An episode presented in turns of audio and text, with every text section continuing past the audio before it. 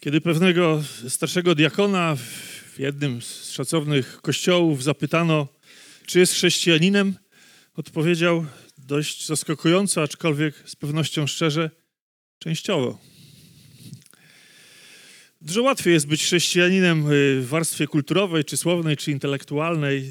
Y, dlatego no, nie dziwią nas tak do końca słowa diakona, chociaż powinny dziwić, który mając na myśli to, y, jakim jest człowiekiem, odpowiedział częściowo jestem chrześcijaninem.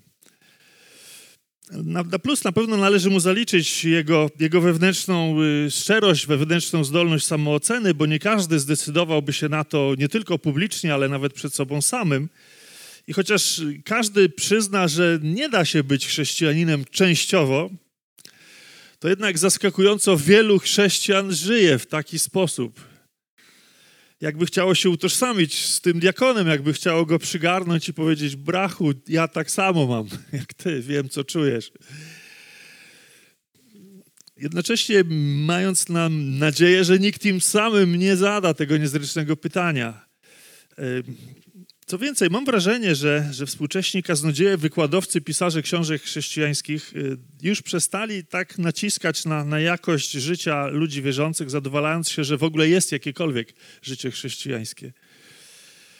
Tymczasem Jezus w, w kazaniu na górze, bo o tym będziemy dzisiaj mówić oczywiście, yy, oczywiście dlatego, że, że to moje kolejne kazanie dotyczy błogosławieństw kazania na górze, prezentuje takie całkowicie staroświeckie podejście do, do kwestii życia swoich uczniów i naśladowców. Bo Jezus nigdy nie kierował się modami, wiemy dobrze, że był całkowicie niezależny od tego, jakie były zewnętrzne naciski kulturowe. Więc jego, jego podejście jest, jest bardzo wymagające. Ono y, prezentuje y, taką sytuację, w której nie ma okoliczności łagodzących. Natomiast my na to nauczanie Jezusa, nie tylko w kazaniu na górze, ale w ogóle na nauczanie Jezusa patrzymy często bardzo doraźnie, jak na taką pewną obsługę, obsługę instrukcję obsługi życia, dzień po dniu właśnie patrzymy, jak mamy żyć i, i wydaje się, że, że, że jest ok. Jest ok w jakimś sensie, natomiast Jezus chce nam przekazać coś dalece, dalece ważniejszego, dalece większego, chce nam pokazać, czym jest przemienione życie. I dopiero z tego wynika właśnie to, y, jak mamy żyć na co dzień. I jeśli nie zrozumiemy tego, tej podstawowej prawdy, tej prawdy wyjściowej, to całe nasze, wszystkie nasze starania dotyczące przyswojenia sobie owej instrukcji życia dzień po dniu spełzną na niczym. Nic nie, z niej nie zrozumiemy. Tak jak czasem czytamy instrukcje obsługi pewnych urządzeń i, i, i wydaje nam się, że nie wiemy w ogóle o co nam chodzi. IKEA na przykład y, tutaj słynie z takich instrukcji. E, tymczasem y, z tymi błogosławieństwami, jak wiecie, jest tak, że y, one, one, jak już mówiłem zresztą parokrotnie, one są jak taki tor przeszkód podczas ćwiczeń sił specjalnych, kiedy zamiast przynieść nam na pewnym etapie ulgę i odpoczynek, to jeszcze kolejne błogosławieństwo podnosi poziom trudności. I co otrzymujemy tym razem, bo mamy przed sobą piąte błogosławieństwo? E, wydaje nam się, że, że nie jest źle, bo piąte błogosławieństwo mówi: Błogosławieni miłosierni, albowiem oni miłosierdzia dostąpią. Wydaje się, że bywało gorzej i później będzie też ciężej, dlatego że e, miłosierdzie kojarzy nam się z dobroczynnością, natomiast dobroczynność można skutecznie realizować po prostu przez ofiarowywanie pieniędzy i nie trzeba się w to wcale angażować. Więc, więc yy, wydaje się, że tym razem jakby Jezus nie stawia przed nami dużego wyzwania. Ale czy rzeczywiście o to tu chodzi? Czy to miłosierdzie rzeczywiście do tego się sprowadza? Naszym, naszym problemem w złym odczytywaniu tego, co to znaczy być chrześcijaninem, y, jest skupianie się nad tym, co powinniśmy robić. Często niestety popadamy, popadamy, wpadamy, wpadamy w tę pułapkę. Tymczasem chodzi o to, jacy powinniśmy być. Nie co powinniśmy robić, ale jacy powinniśmy być. Ewangelia kładzie nacisk na to, kim jesteśmy, a nie na to, co czynimy.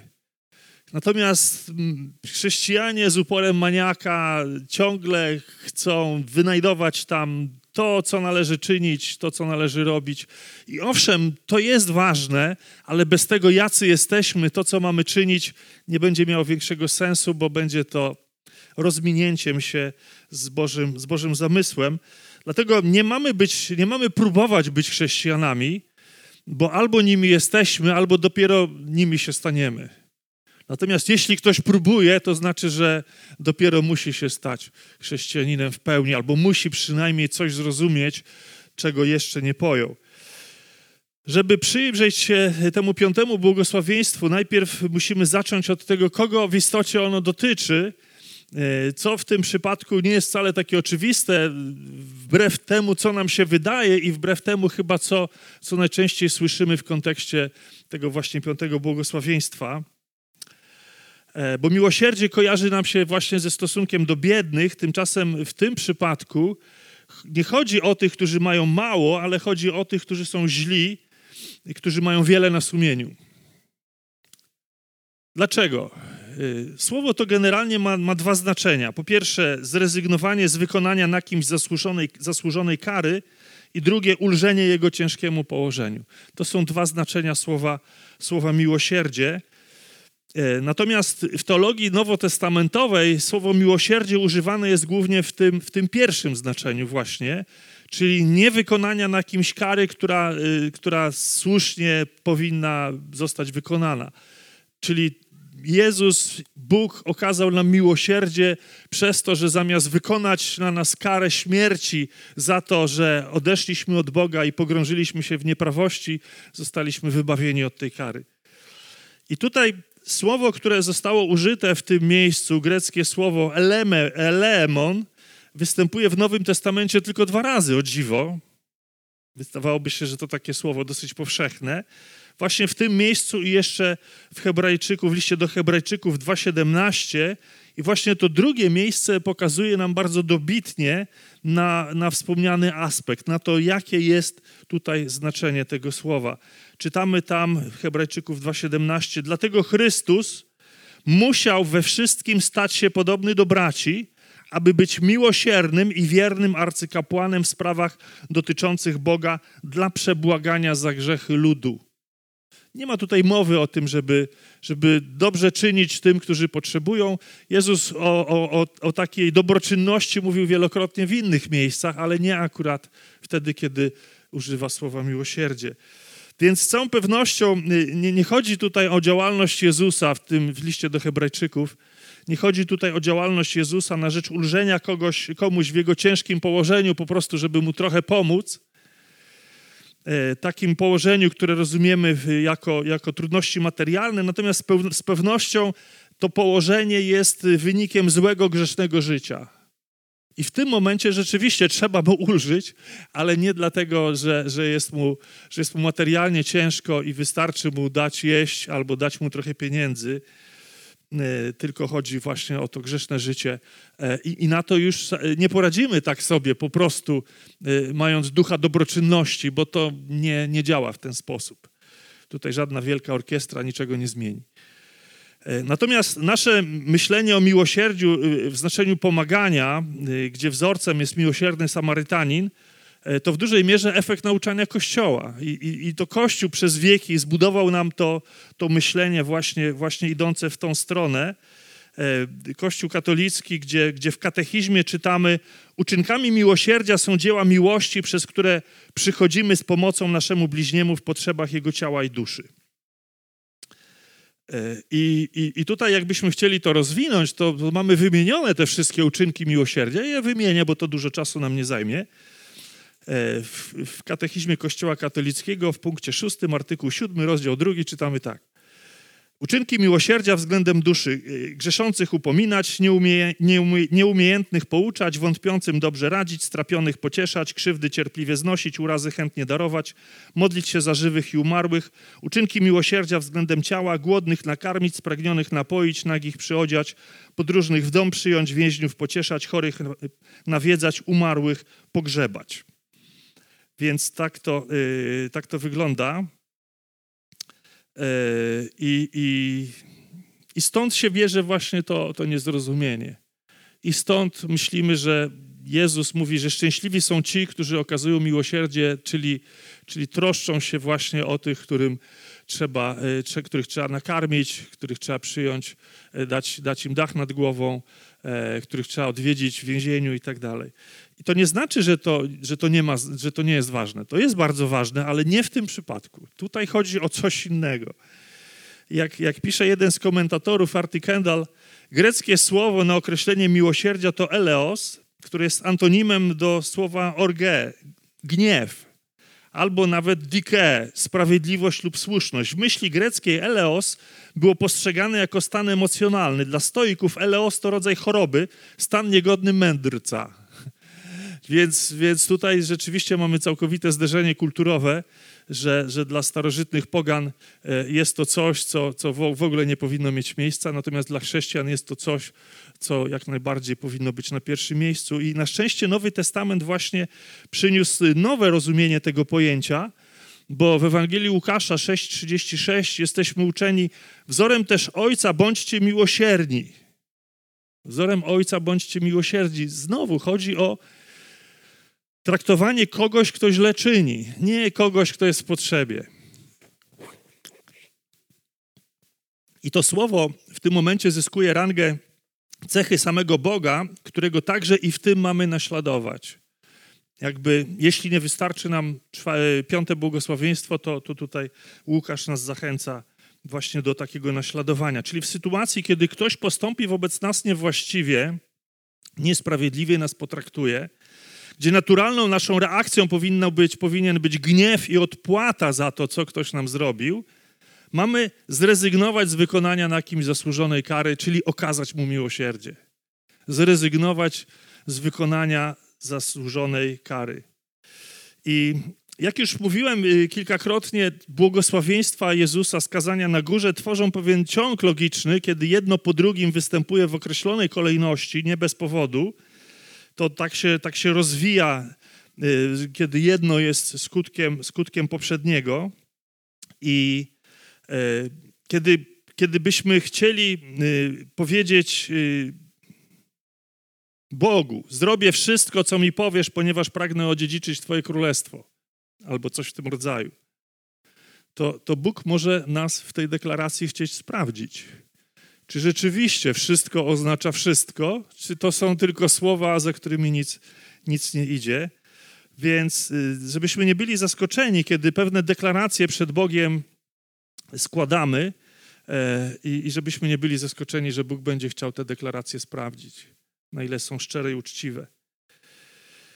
I, I, taką próbą może być właśnie sytuacja, kiedy zostaniemy przez kogoś źle potraktowani, ewidentnie niesprawiedliwie, bo jeśli ktoś nas sprawiedliwie, słusznie źle potraktuje, to normalna rzecz. Ale mówię o sytuacji, kiedy ktoś nas skrzywdzi, ewidentnie źle nas potraktuje, zostaliśmy poważnie zranieni i, i próba polega na tym, jak na to zareagujemy, co my wtedy zrobimy jako, jako Boże dzieci, jak, jak na to zareagujemy. Jeśli okaże, okażesz temu człowiekowi miłosierdzie, czyli nie wykonasz na nim kary, która mu się należy za to, co zrobił, to pokażesz, jak bardzo pragniesz Boga i Jego sprawiedliwości. To, to są słowa z poprzedniego błogosławieństwa.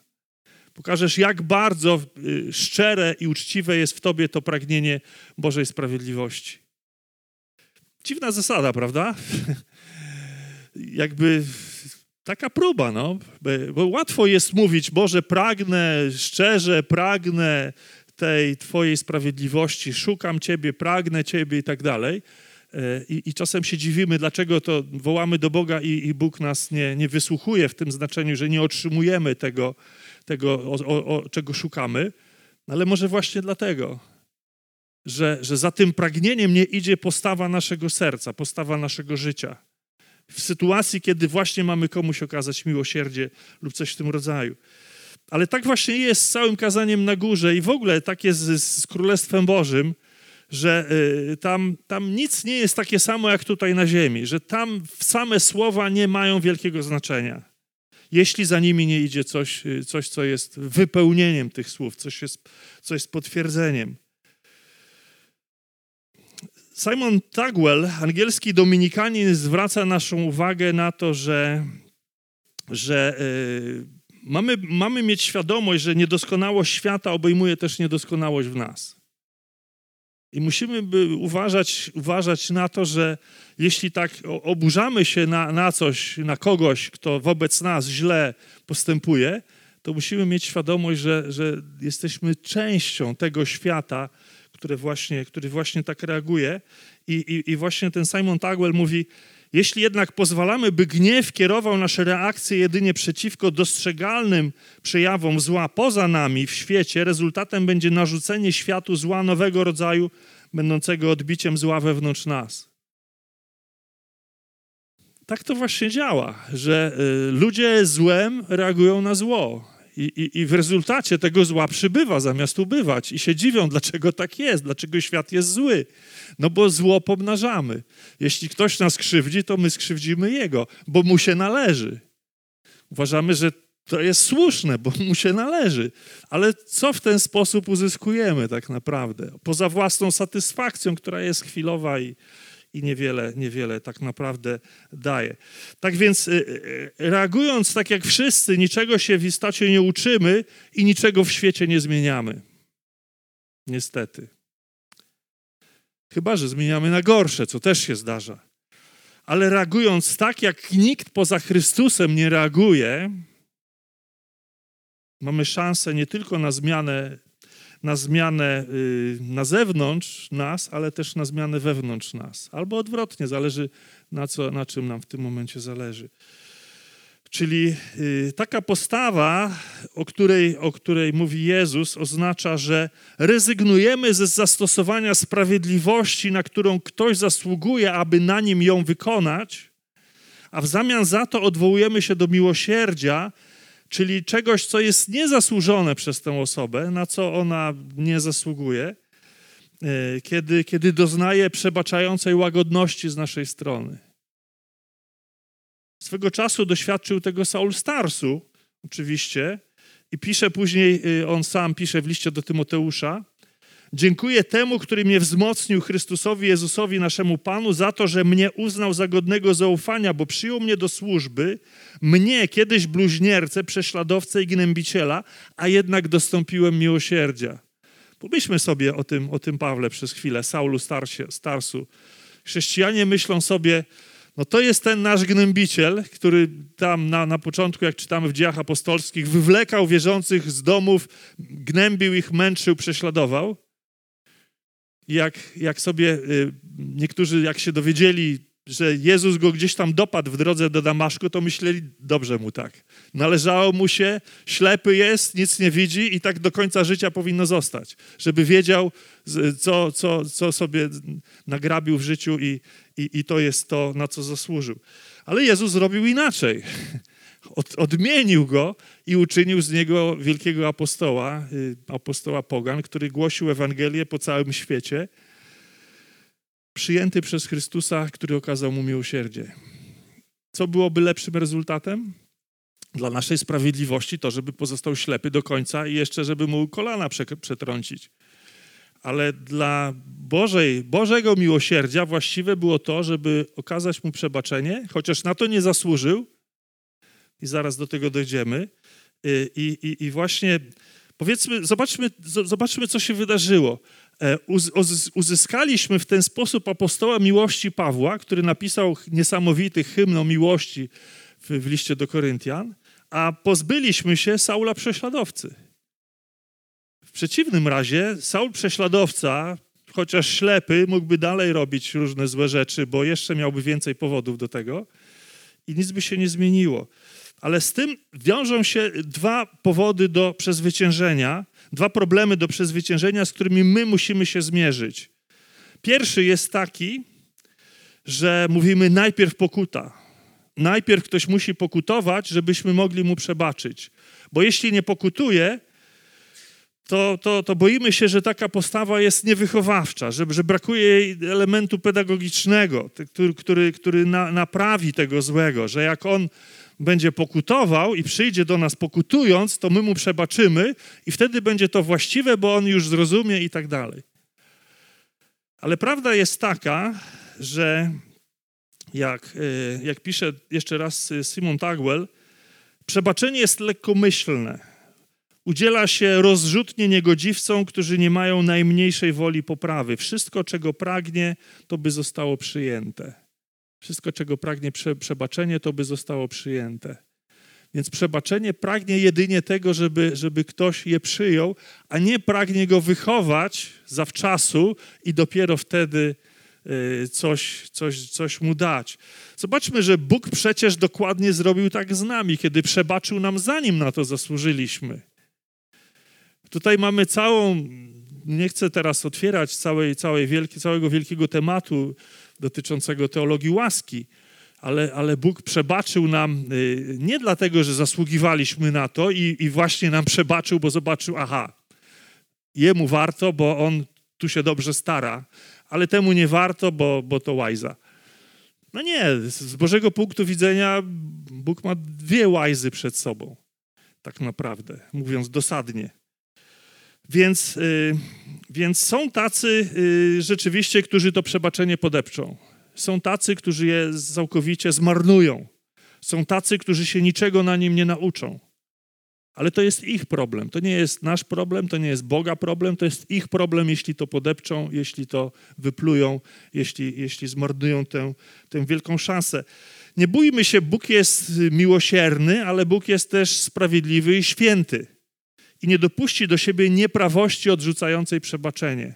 Dlatego nie musimy y, stawiać przed, przed człowiekiem tych, tych barier, żeby on pokazał, że zasługuje na przebaczenie. Jak czytamy w Psalmie 85 w starym tłumaczeniu Biblii Gdańskiej, miłosierdzie i prawda spotykają się ze sobą, sprawiedliwość i pokój pocałują się. One gdzieś się spotkają, Bóg to ułoży tak jak trzeba. To jest pierwszy problem. Pierwszy problem, że, że właśnie, y, y, że, że właśnie y, najpierw musi być pokuta. Natomiast drugi problem polega na tym, że musimy przezwyciężyć w sobie pewną, pewną pokusę do postawy, która polega na prowadzenia gry, prowadzeniu gry pod tytułem mamcie. Czyli kiedy ktoś nas zranił, zrobił coś przeciwko nam, to my czekamy na okazję, żeby gdzieś gdzieś się wyłożył i, i żebyśmy mogli się na nim zrewanżować. Kiedy powinie mu się noga, żebyśmy my tą swoją chwilę odpłaty mieli, tą swoją chwilę triumfu. I wtedy mu dowalimy, e, że, że poczuje. I, i, to, I on się nauczy wtedy, i on się nauczy wtedy, że nie wolno tak się zachowywać. Ale my przecież potraktujemy go dokładnie tak samo, jak on nas potraktował. Zobaczcie, jakie to jest dziwne w tym naszym myśleniu. Więc... Yy, więc to będzie nas cieszyło, kiedy, kiedy, kiedy jemu coś się nie powiedzie, kiedy ta chwila, kiedy ta chwila nadejdzie, kiedy właśnie e, on, on otrzyma swoją zapłatę. Ale to nie jest postawa miłosierdzia, to jest postawa zemsty odłożonej w czasie. Nie o tym Jezus mówi e, w, w piątym błogosławieństwie kazania na górze. To jest nie tylko zemsta odłożona w czasie, ale to jest zemsta wyczekiwana. Jeszcze gorzej. Tak więc, kiedy, kiedy okazujesz miłosierdzie, to tak naprawdę jest to sytuacja, kiedy traktujesz innych tak, jak Bóg potraktował ciebie. W przeciwnym razie po prostu praktykujesz to, co, co robił bohater przypowieści Jezusa o dłużniku, któremu darowano wielki dług. I jak czytamy, ułaskawiony dłużnik wyszedł i wtedy spotkał kolegę, sługę, podobnie jak on sam, który był mu winien 100 denarów, doskoczył do niego, chwycił go za gardło i syknął: Oddaj coś winien. Więc y, tak, tak to wygląda. Y, I, tym razem y, właśnie jeszcze zanim, zanim się przyjrzymy temu, jaka, jaka nagroda czeka, jaka nagroda czeka adresatów piątego błogosławieństwa, to, to zastanówmy się nad tymi różnymi sytuacjami w naszym życiu, w których warto jest okazywać miłosierdzie w miejsce właśnie tej odpłaty i w miejsce tego aspektu wychowawczego, kiedy tak chcemy wychowywać innych ludzi, niekoniecznie chcąc wychowywać samych siebie. To jest taki dziwny paradoks. I pomyślmy sobie, w ilu sytuacjach naszego życia, myślę, że bardzo często ma to miejsce w małżeństwie, właśnie brak miłosierdzia wobec drugiej strony, a, albo takiego właśnie, znaczy brak miłosierdzia po prostu, albo takiego, albo zastosowanie tego miłosierdzia, które, które my mamy na myśli, czyli jeśli on poprosi, to wtedy przebaczę. Jak często właśnie to powoduje narastające lawinowo problemy. Natomiast okazanie miłosierdzia, kiedy ktoś nie zasługuje na to, czy pogorszy naszą sytuację? Jakąkolwiek, w małżeństwie, w pracy, gdziekolwiek. My boimy się tego, że, że, że wystawimy się, będziemy frajerami, będziemy jakimiś, jakimiś naiwniakami, kimś, kto nas, kimś, kogo ktoś wykorzysta, przez to, że okażemy miłosierdzie. Ale to tak jakbyśmy mówili, Panie Jezu, gadasz bzdury, bo, bo to tak nie działa w ogóle. I, I to, do czego nas zachęcasz, jest kompletnie bez sensu, bo to w ogóle tak nie działa. Panie Jezu, zastanów się, czy ty w ogóle wiesz, jak ten świat działa. Czy tak nie jest? Pomyślmy nad tym. Jeśli mówimy, że zastosowanie słów Jezusa, skazania na górze, z piątego błogosławieństwa i jakichkolwiek innych słów, nie jest właściwe, bo my powinniśmy się kierować zdrowym rozsądkiem, czyli tym, jak urządzony jest świat,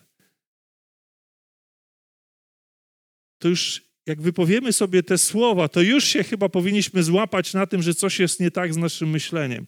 Bo jeśli myślimy, mamy się kierować tym, jak urządzony jest ten świat, i mamy się kierować tym, jak ludzie w tym świecie funkcjonują, to znaczy, że chyba czegoś nie rozumiemy. Owszem, możemy tak robić, ale wtedy rezultat będzie tylko taki, jak w świecie. Czyli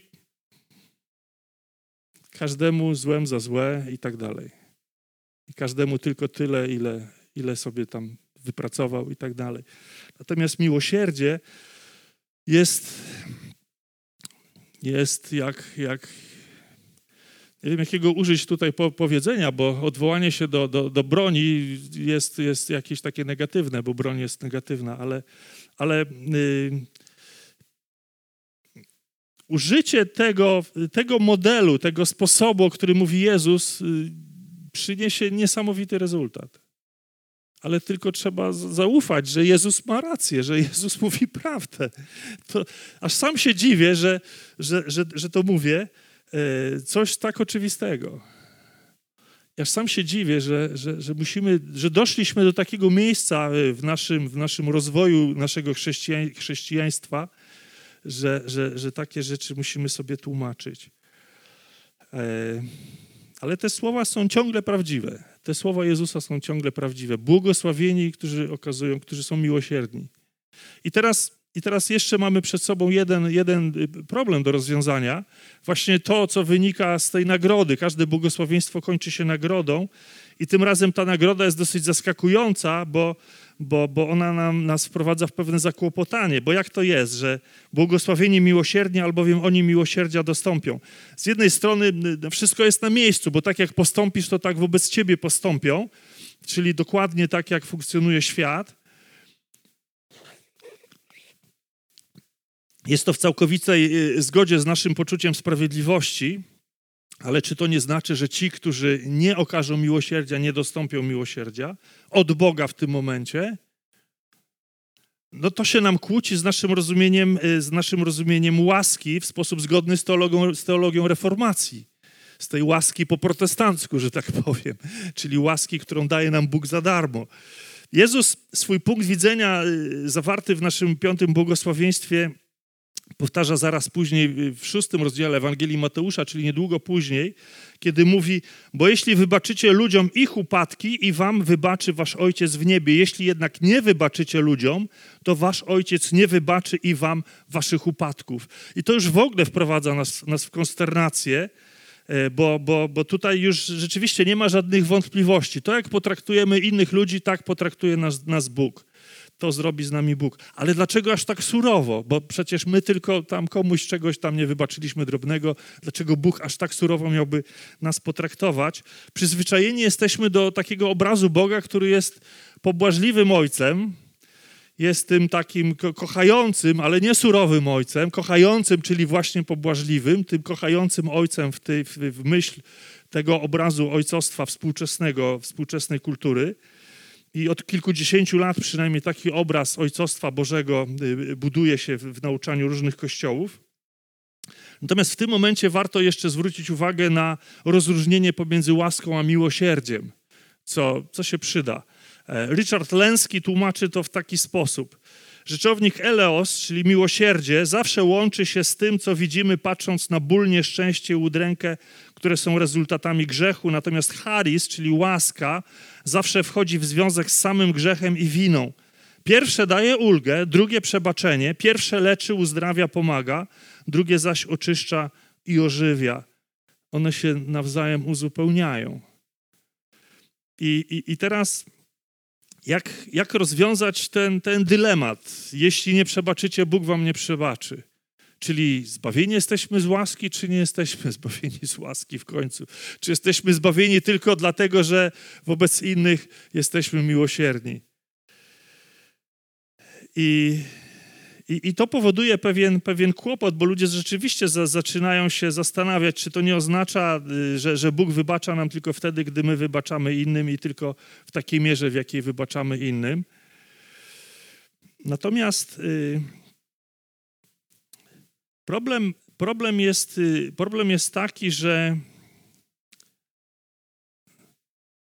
że brak przebaczenia pokazuje coś poważnego w naszym sercu.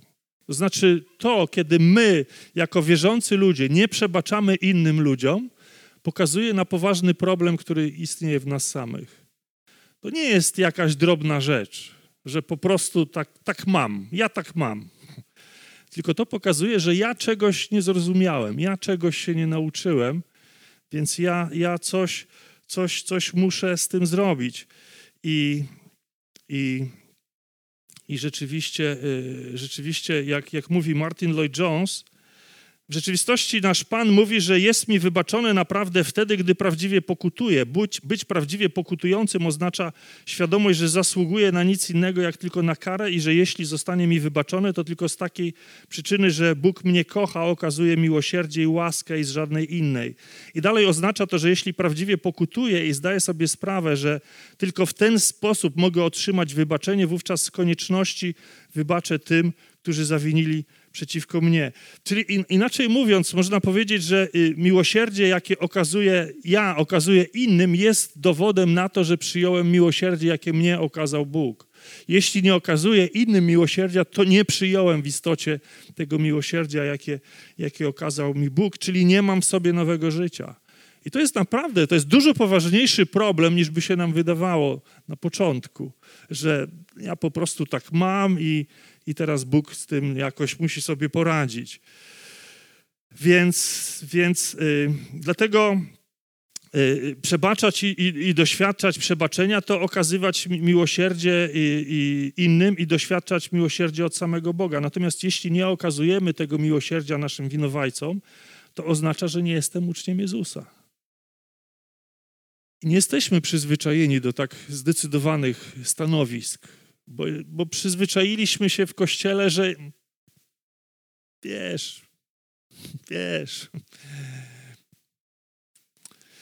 nie przejmuj się. Natomiast tu okazuje się, że sprawa jest poważna. Albo, albo. I, i, i problem, y, problem polega na tym, że to powierzchowne chrześcijaństwo jest strasznie kłopotliwe, dlatego że przyzwyczailiśmy się właśnie przymykać oko na te różne uchybienia nasze i innych, y, myśląc, że to taki tam, że kiedyś sobie z tym poradzę. Ale tu trzeba zrobić poważny rachunek sumienia, tu trzeba poważnie się wziąć za siebie i zastanowić przed Bogiem szczerze, czy ja nie jestem chrześcijaninem tylko częściowo. A częściowo to znaczy w ogóle tak naprawdę. Bo jak ktoś jest częściowo chrześcijaninem, to znaczy, że całkowicie nim nie jest. I taka jest prawda.